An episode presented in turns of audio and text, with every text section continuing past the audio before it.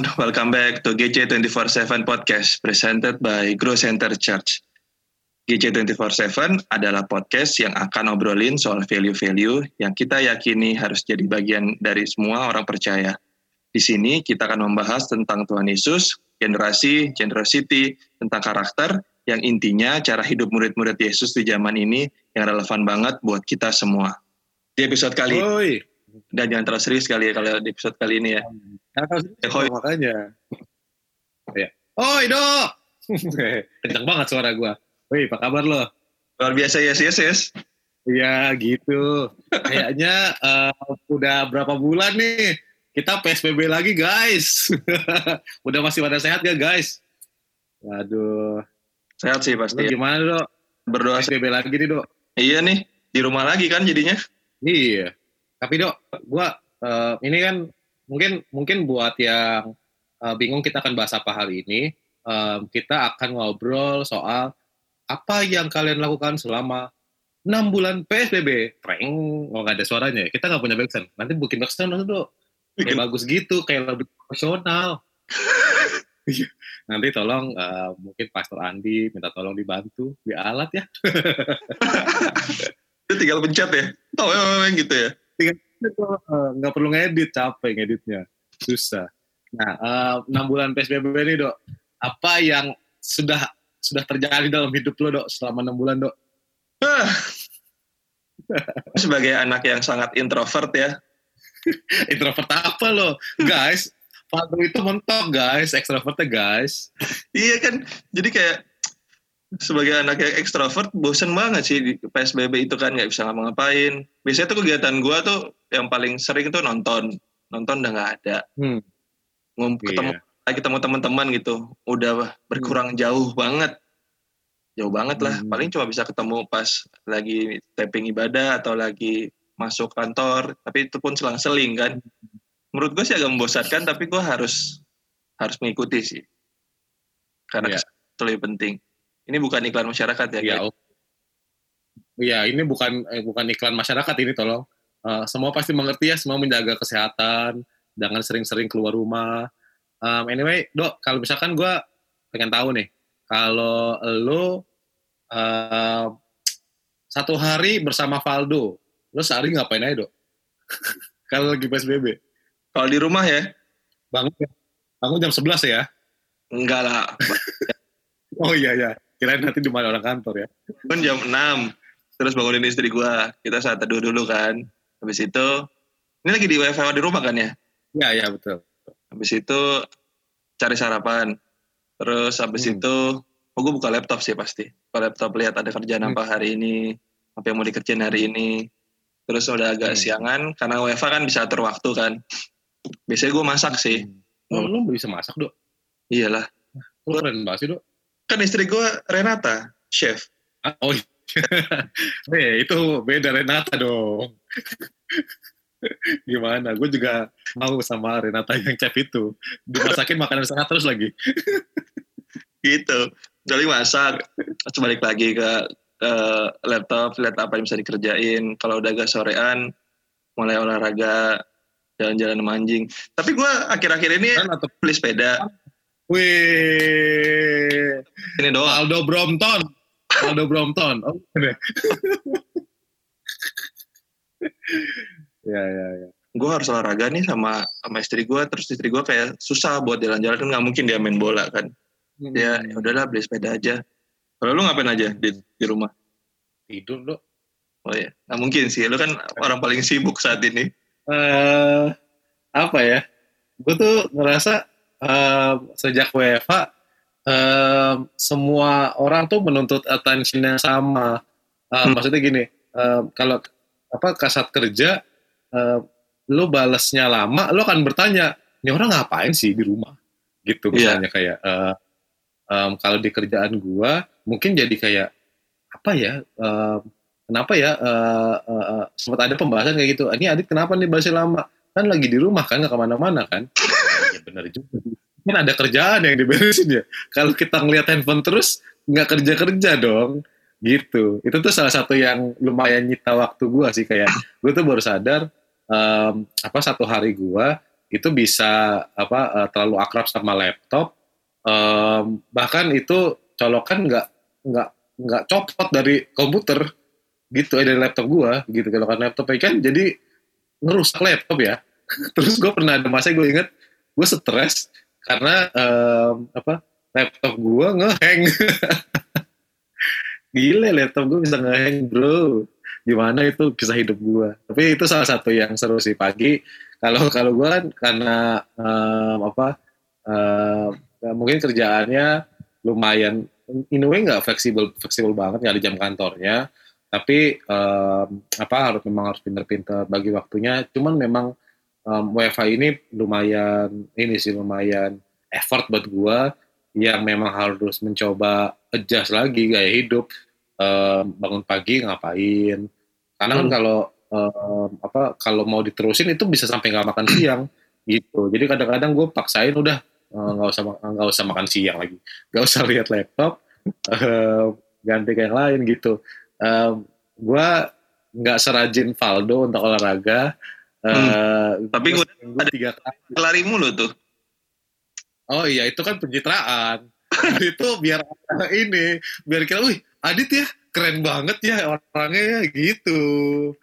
Lu masa kurang mengerti sih, Dok? Iya, iya. Itu pencitraan itu semua. uh, ya, terus uh, kemarin kita sempat main apa frisbee, ya Dok ya? Berapa kali main frisbee berapa lalu juga. Uh, salah satu yang fun sih buat gue tuh. Main frisbee ternyata um, orang Indonesia um, semua main sepeda. Ada satu ada beberapa orang main frisbee. Aneh uh -huh. juga nih bocah sosok sosok US ya tapi itu salah satu hal yang menarik sih dari hidup gue kayak gue ngapain deh gue main frisbee ya kalau diinget-inget sekarang? Gitu. Um, lumayan sih kerjaan setelah setelah apa ya pas sekarang. Gitu. Tapi gue pengen tahu ya dok. Um, hmm apa uh, ini udah enam bulan dulu gosipnya eh bukan gosip uh, uh, apa uh, penelitian yang gue tahu orang tuh bisa berubah habitnya setelah 21 hari gitu. Nah, uh, lo merasakan perubahan di diri lo yang signifikan banget berubah setelah kita um, um, isolasi? Apa ya? Gue tuh sebenarnya apa namanya gue nih ini ini relate sama apa yang gue dapat selama WFA sih gue tuh hmm. baru kira-kira berapa minggu terakhir ini gue kayak belajar ada satu kata yang terus-terusan ada tuh kayak adaptasi adaptasi hmm. gue akhirnya mulai mulai mengerti kalau manusia itu punya kemampuan adaptasi itu seluar biasa itu gitu gue cerita nih gue waktu itu pas awal-awal WFA itu kan gue sambil kuliah ya jadi hmm. ada satu masa di badan gue kuliah lewat laptop gue kerja lewat laptop gue pelayanan lewat laptop. Sampai gue akhirnya sorry nih gue muntah gitu. Yang literally keluar gitu kan bukan yang bukan, sampai seenak itu gue hmm. itu gue sampai aduh gue udah muak banget depan laptop. Sampai gitu tapi akhirnya akhirnya sampai ke sini tuh gue akhirnya mulai terbiasa gitu mulai beradaptasi dengan memang semuanya harus dilakukan lewat laptop sekarang karena nggak bisa ketemu semua terbatas gitu itu itu merubah banget jadi yang gue orangnya yang harus ketemu orang akhirnya ya udah deh di lewat zoom dulu. Itu memaksa banget sih karena gue kan orangnya ekstrovert ya tadi gue bilang. Terus di, harus harus ketemunya lewat sini gitu. Terus juga kayak yang ngerubah banget tuh ya kalau ketemu orang sih gue kayak misalnya lagi lagi lagi di cool. Anak-anak cool gue juga isinya tuh udah pada teriak-teriak gitu kan ayo dong kita ketemu ayo kita ketemu. Sedangkan gue pengen banget ketemu cuma gue nggak bisa nggak bisa yang harus langsung semua datang gitu kan. Bahaya juga kan riskan juga kalau jadi klaster segala macam. Nah kayak gitu akhirnya gue mulai mulai apa namanya ketemu sama mereka tapi kayak satu satu satu atau berdua paling banyak. Dan di situ tuh gue belajar banget untuk mengatur waktu banget sih. Jadi kayak sekarang itu waktu tuh kayak penting banget untuk diatur. Kalau dulu dulu tuh karena kita misalnya kerja kita keluar ketemu orang kita keluar kayak waktu itu dibaginya itu mungkin per minggu gitu ya. Gue hari ini ketemu ini, gue kerja ketemu ini, besok gue kerjaan ini ketemu ini. Nah sekarang tuh kayak setiap hari harus kita atur jam segini, jam segini gue ngapain. Karena hmm. karena to be honest, masih banyak yang kayak ya kayak lo tadi lah ngerasa, Adit mana sih kau nggak balas-balas handphone kan di rumah. Terus kayak ngerasa karena kita di rumah, terus banyak jam meeting yang jadi jam segini jam segini meeting ini, jam segini jam segini meeting ini. Semuanya kan lewat Zoom kan gampang. Tapi kan kita juga manusia yang capek banget, gue juga harus istirahat, gue harus punya me time lah. Kayak gitulah. Jadi gue belajar banget. Yang berubah banget adalah cara gue mengatur waktu sih. Gue mungkin cerita dikit kali ya. Uh, salah satu yang bikin gue merasa uh, apa ya uh, isolasi ini sangat real buat gue adalah saat memang di awal ini mungkin orang uh, ya ya beberapa orang yang dekat tahu lah ya uh, termasuk lo ya dok ya kan hmm. memang nyokap gue sempat positif covid di awal-awal hmm. kan gitu sempat positif covid terus um, struggle is very real buat buat gue waktu itu um, apa hal-hal um, yang mungkin bener-bener kalau misalkan beda banget lo nonton di TV lo denger berita sama lo ngalamin sendiri gitu hmm. um, itu bener-bener kalau buat gue, gue pribadi tuh itu titik yang kayak um, lumayan bikin oh iya ya ini nih bukan cuman global issues. Mungkin kalau dulu apa ya? Kalau dulu kita um, pernah dengar ada Ebola, kita pernah dengar ada yeah. SARS, tapi kan kayak kayaknya tuh nggak deket ya, nggak relate sama kita. Nah ini nih buat gue bukan karena kehebohan di sosial media, sama sekali enggak, tapi karena memang benar-benar deket gitu. Itu yang yang gue ingat masih masih apa ya masih banget waktu apa uh, gue waktu keadaan itu masih belum jelas ini kenapa ini gimana um, terus tiba-tiba uh, harus datang ke rumah sakit ngecek rumah sakit yang nerima gue harus diginiin gue harus ke sana kemari dan semuanya itu ketidakpastian yang yang buat gue itu tuh bikin ini tau gak lo? Bikin uh, bikin suasana selama pandemik ini itu yang kayaknya dipengenin uh, apa ya maksudnya um, atmosfer itu yang dipengen ketakutan ketidakpastian gitu. Gue ngerasa itu tuh salah satu yang yang gue dapetin banget sih sesuatu yang kayak mungkin kalau misalkan apa uh, banyak banyak dari yang dengar juga punya pengalaman yang sama-sama gue, mereka pasti mengerti apa yang terjadi gitu. Karena itu banyak banget ketidakpastiannya gitu.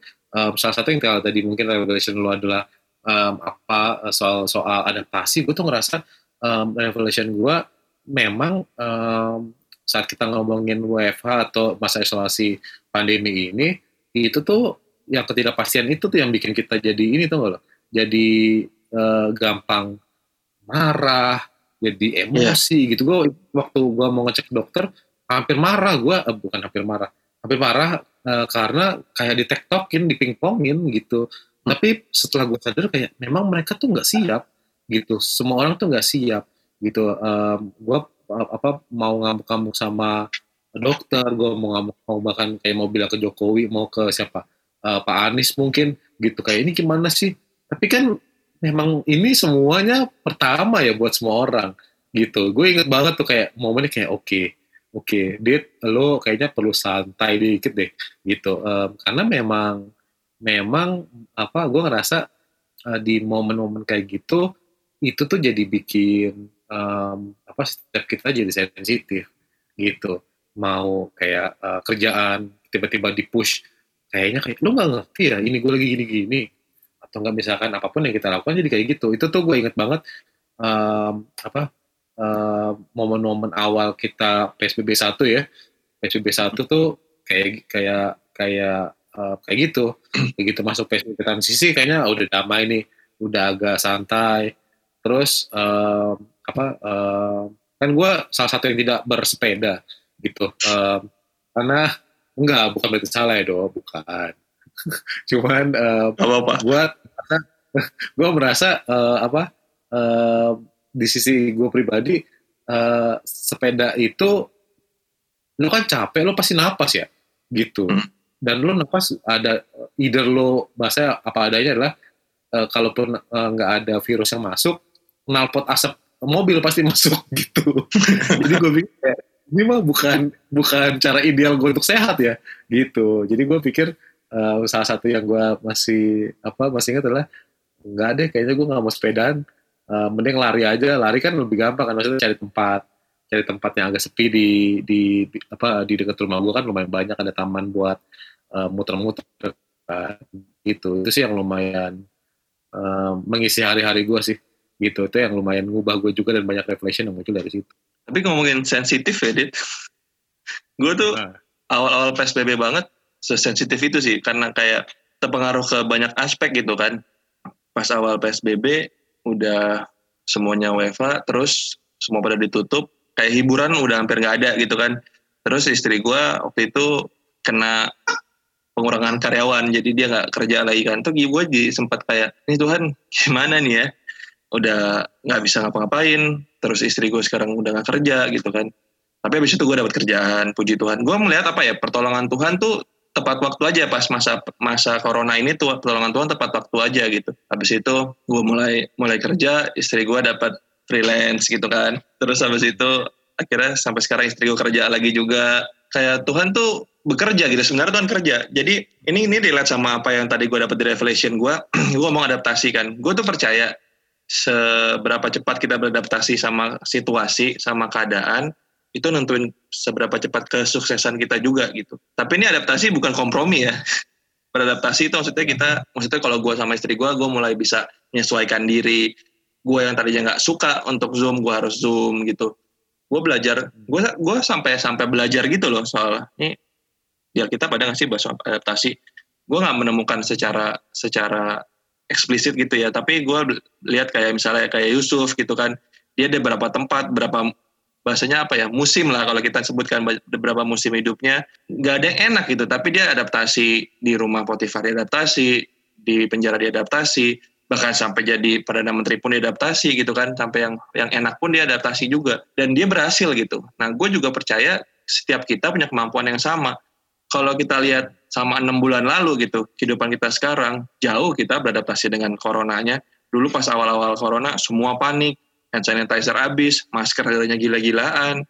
Sekarang Betul. orang malah jadi lama-lama jadi kayak ngentengin ya bukan adaptasi lagi udah ngentengin jadinya. Udah kayak ah udahlah corona lama banget udahlah gue ketemu orang. Akhirnya kayak ini cerita gue juga temen gue tuh baru banget masuk wisma atlet ya karena karena kena positif covid tapi dia OTG dan dia memang banyak ketemu orang gitu. Gue jadi gue jadi mulai agak oke okay, ini gue nggak boleh gampangin lagi sih gue belajar di situ sih gue nggak boleh gampangin lagi sih. Gue beradaptasi dengan keadaan sekarang tapi gue nggak mau gampangin untuk segampang itu ketemu orang gitu kayak aman-aman aja. Enggak lah. Kadang-kadang tuh gue berpikir ya Tuhan lindungin Tuhan lindungin. Tapi gue sendiri yang yang menyemplungkan diri gitu kan. Gitu sih tapi lo lo kalau pesertanya pada saat lo adaptasi uh, paling paling susah lo adapt apa? Gue tuh justru ya? karena gue ekstrovert ya, gue kan kayak dapat ketemu orang itu kayak recharge gue gitu kan. Gue tuh kadang sampai aduh Tuhan ini gimana ya? Ini pengen banget ketemu orang gitu, pengen main. Tapi nggak bisa ya, jadi sesekali ya ketemu satu dua orang. Tapi itu pun ya yang gue tahu dia habis tes apa segala macam gitu. Jadi kayak oke okay lah. Itu pun juga masih pakai masker dan lain-lain. Tapi yang paling susah emang yang ketemu orang sih karena gue oh, anak sosial banget pesan banget gitu kan yang ketemu orang banget oh, sakau-sakau gitu ya kayak aduh gue pengen banget ketemu orang nih iya jadi gue tapi itu bener loh. Gue kayak ngerasa gini ya ternyata rasanya orang-orang yang yang mungkin tahu sama obat-obat terlarang gitu kan. Kayak gitu gitu. Kayak misalnya pengen nonton pun di bioskop pun kayak aduh kangen banget ya. Kangen banget ya pengen banget ya. Pengen gitu. Kalau lu? Oh gereja. Gue kayak gue ini banget. Gue kayak hadirat Tuhan banget. Jadi kalau kalau kalau gue kan merasa um, apa yang gue mungkin apa ya bahasanya ya, yang gue paling susah untuk adaptasi itu adalah uh, ini apa uh, komunikasi sama orang gitu. Uh, ini bukan kayak gue kangen banget nih ngobrol sama orang, tapi um, adaptasi gue adalah uh, ya tadi gue bilang ternyata um, yang di sekeliling gue orang-orang tuh jadi bener-bener super sensitif gitu gitu nggak semudah mm -hmm. itu untuk di bercanda lu bercanda dikit kayak dit lu nggak ngerti lah. Serius amat ini yang sebelumnya kayak biasa-biasa aja kalau bercanda kayak gitu. Uh -huh. gitu. Jadi hal-hal kayak gitu tuh yang, yang mungkin kalau gue gua ngerasain yang paling susah gue ada bahkan sampai sekarang sih gitu. Um, gue tuh lumayan jadi jaga-jaga. Gue tuh takut um, apa nggak sengaja. Kan gue orangnya suka polos ya. Maksud gue kalau bercanda gue tuh suka keluar aja gitu. Nah, um, kadang-kadang tuh gue tuh suka takut uh, orang tuh jadi jadi um, apa um, sebel gitu. Uh, itu aja sih gitu. Sensitivitas sensitivitas orang yang memang berubah dan memang um, kita nggak jadi nggak tahu gitu. Orang jadi mungkin nggak mau cerita gitu kan. Orang jadi nggak mau bahasanya apa ya karena bahasanya lagi fokus sama apa yang lagi dia mau lakuin gitu-gitu itu sih yang paling paling gue bikin deg-degan sih sejujur-jujurnya itu hmm. sama sama ini sih gue di masa-masa yang kayak sensitif gini tuh gue pernah ya. Gue ngechat temen gue sebenarnya temen dekat gue yang sering sering ngobrol juga tapi udah agak berapa minggu kita nggak ngobrol terus gue ngechat cuma nanya nanya apa kabar aja sih. Terus tiba-tiba cerita panjang. Terus dia bilang dok ini lu orang ke berapa ya waktu itu? Kalau ketiga apa keempat gitu yang nanya apa kabar. Dari sekian banyak temen gue baru berapa orang yang nanya apa kabar. Jadi kayak soal caring tuh di masa-masa sekarang ini tuh ternyata gue baru sadar ternyata care sama orang itu penting gitu. Dan sekarang di masa kayak gini tuh saatnya kita beneran action gitu. Kita kalau beneran care ya tunjukin lu care. Karena kan banyak hal yang kita kerjakan gitu. Mau pekerjaan mau pelayanan mau apa pun. Kayak transaksional gitu loh di bukan ya, betul. peduli tapi transaksional gitu. Jadi banyak kita di saat-saat ini tuh perlu untuk memperbanyak ya kita kalau beneran care tunjukin kita care. Memperbaiki hubungan kita gitu. Tanya gimana keluarganya. Itu sih gue mulai belajar itu sih. Jadi kayak misalnya gue tiba-tiba ingat satu nama siapa pun gitu gue chat aja nanya apa kabar.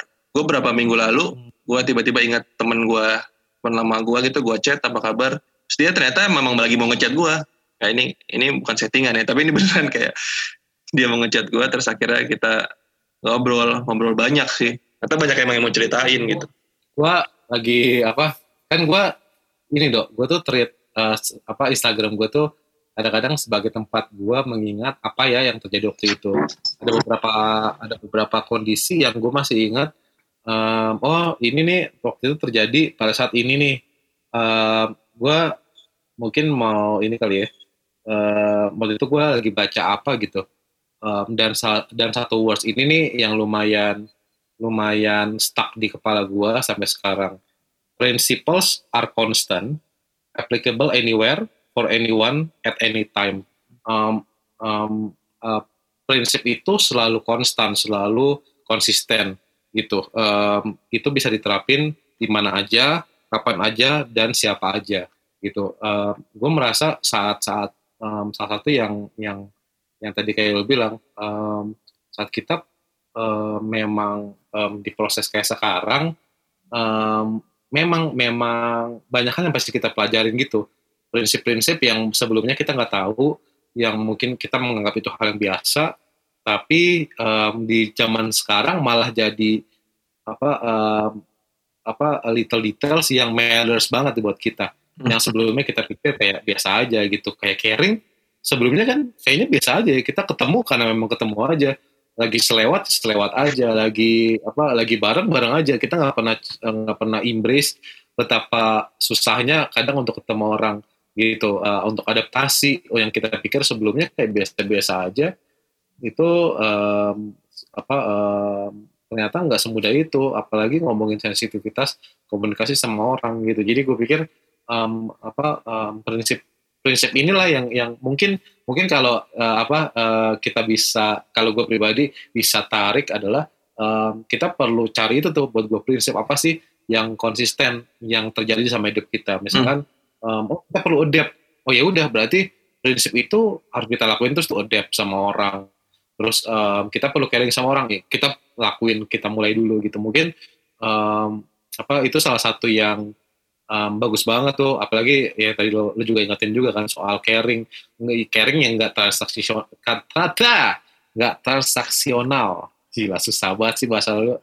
Gitu. Itu yang gue pikir uh, pengingat banget sih jadi thank you banget tuh bagus banget. Iya, uh, ya gue rasa sih mungkin mungkin kalau lo ada kata-kata terakhir gak dok? Uh, boy kata-kata terakhir serem banget. Uh, lo uh, banget ya. Apa, misalnya, uh, misalnya ini kan udah masuk PSBB 2 nih.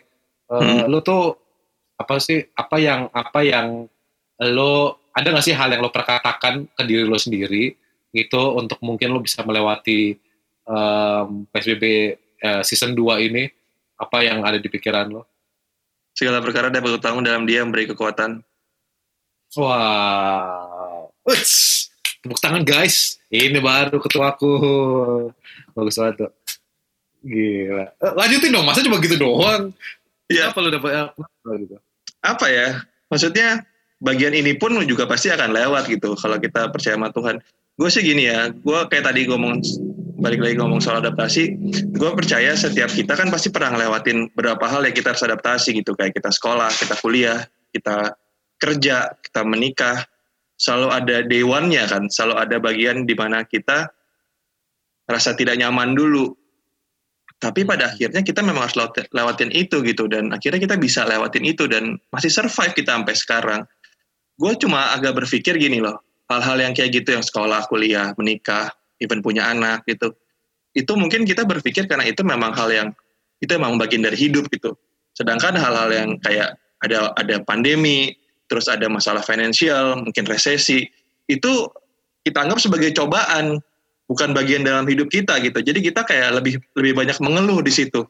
Kalau bagian yang tadi kuliah sekolah itu kita berusaha untuk adaptasi, sedangkan yang bagian yang nggak enaknya kita anggap itu cobaan. Jadi kita ngeluh, kita ngeluh, kita ngeluh. Tapi gue percaya, karena gue jadi orang yang, gue juga bagian orang yang ngeluh juga sebenarnya dengan keadaan kayak gini. Tapi akhirnya ketika Tuhan kasih kemampuan kita adaptasi seperti ini dan Tuhan sama-sama kita, gue percaya ini juga akan lewat kok ya kita lakuin yang terbaik aja jadi bagian kita gitu sih Wah, gue jadi kayak lagu ini loh battle music yang Goodness of God gitu hmm. um, gue rasa itu salah satu lagu yang mungkin bisa jadi pengiring yeah.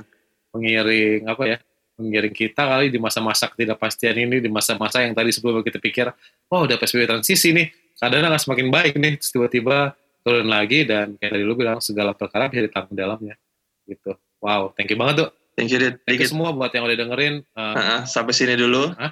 Sampai ketemu minggu depan. Thank you udah dengerin. Semoga episode ngobrol berdua Adit yang kedua ini bisa jadi berkat juga buat kalian semua ya.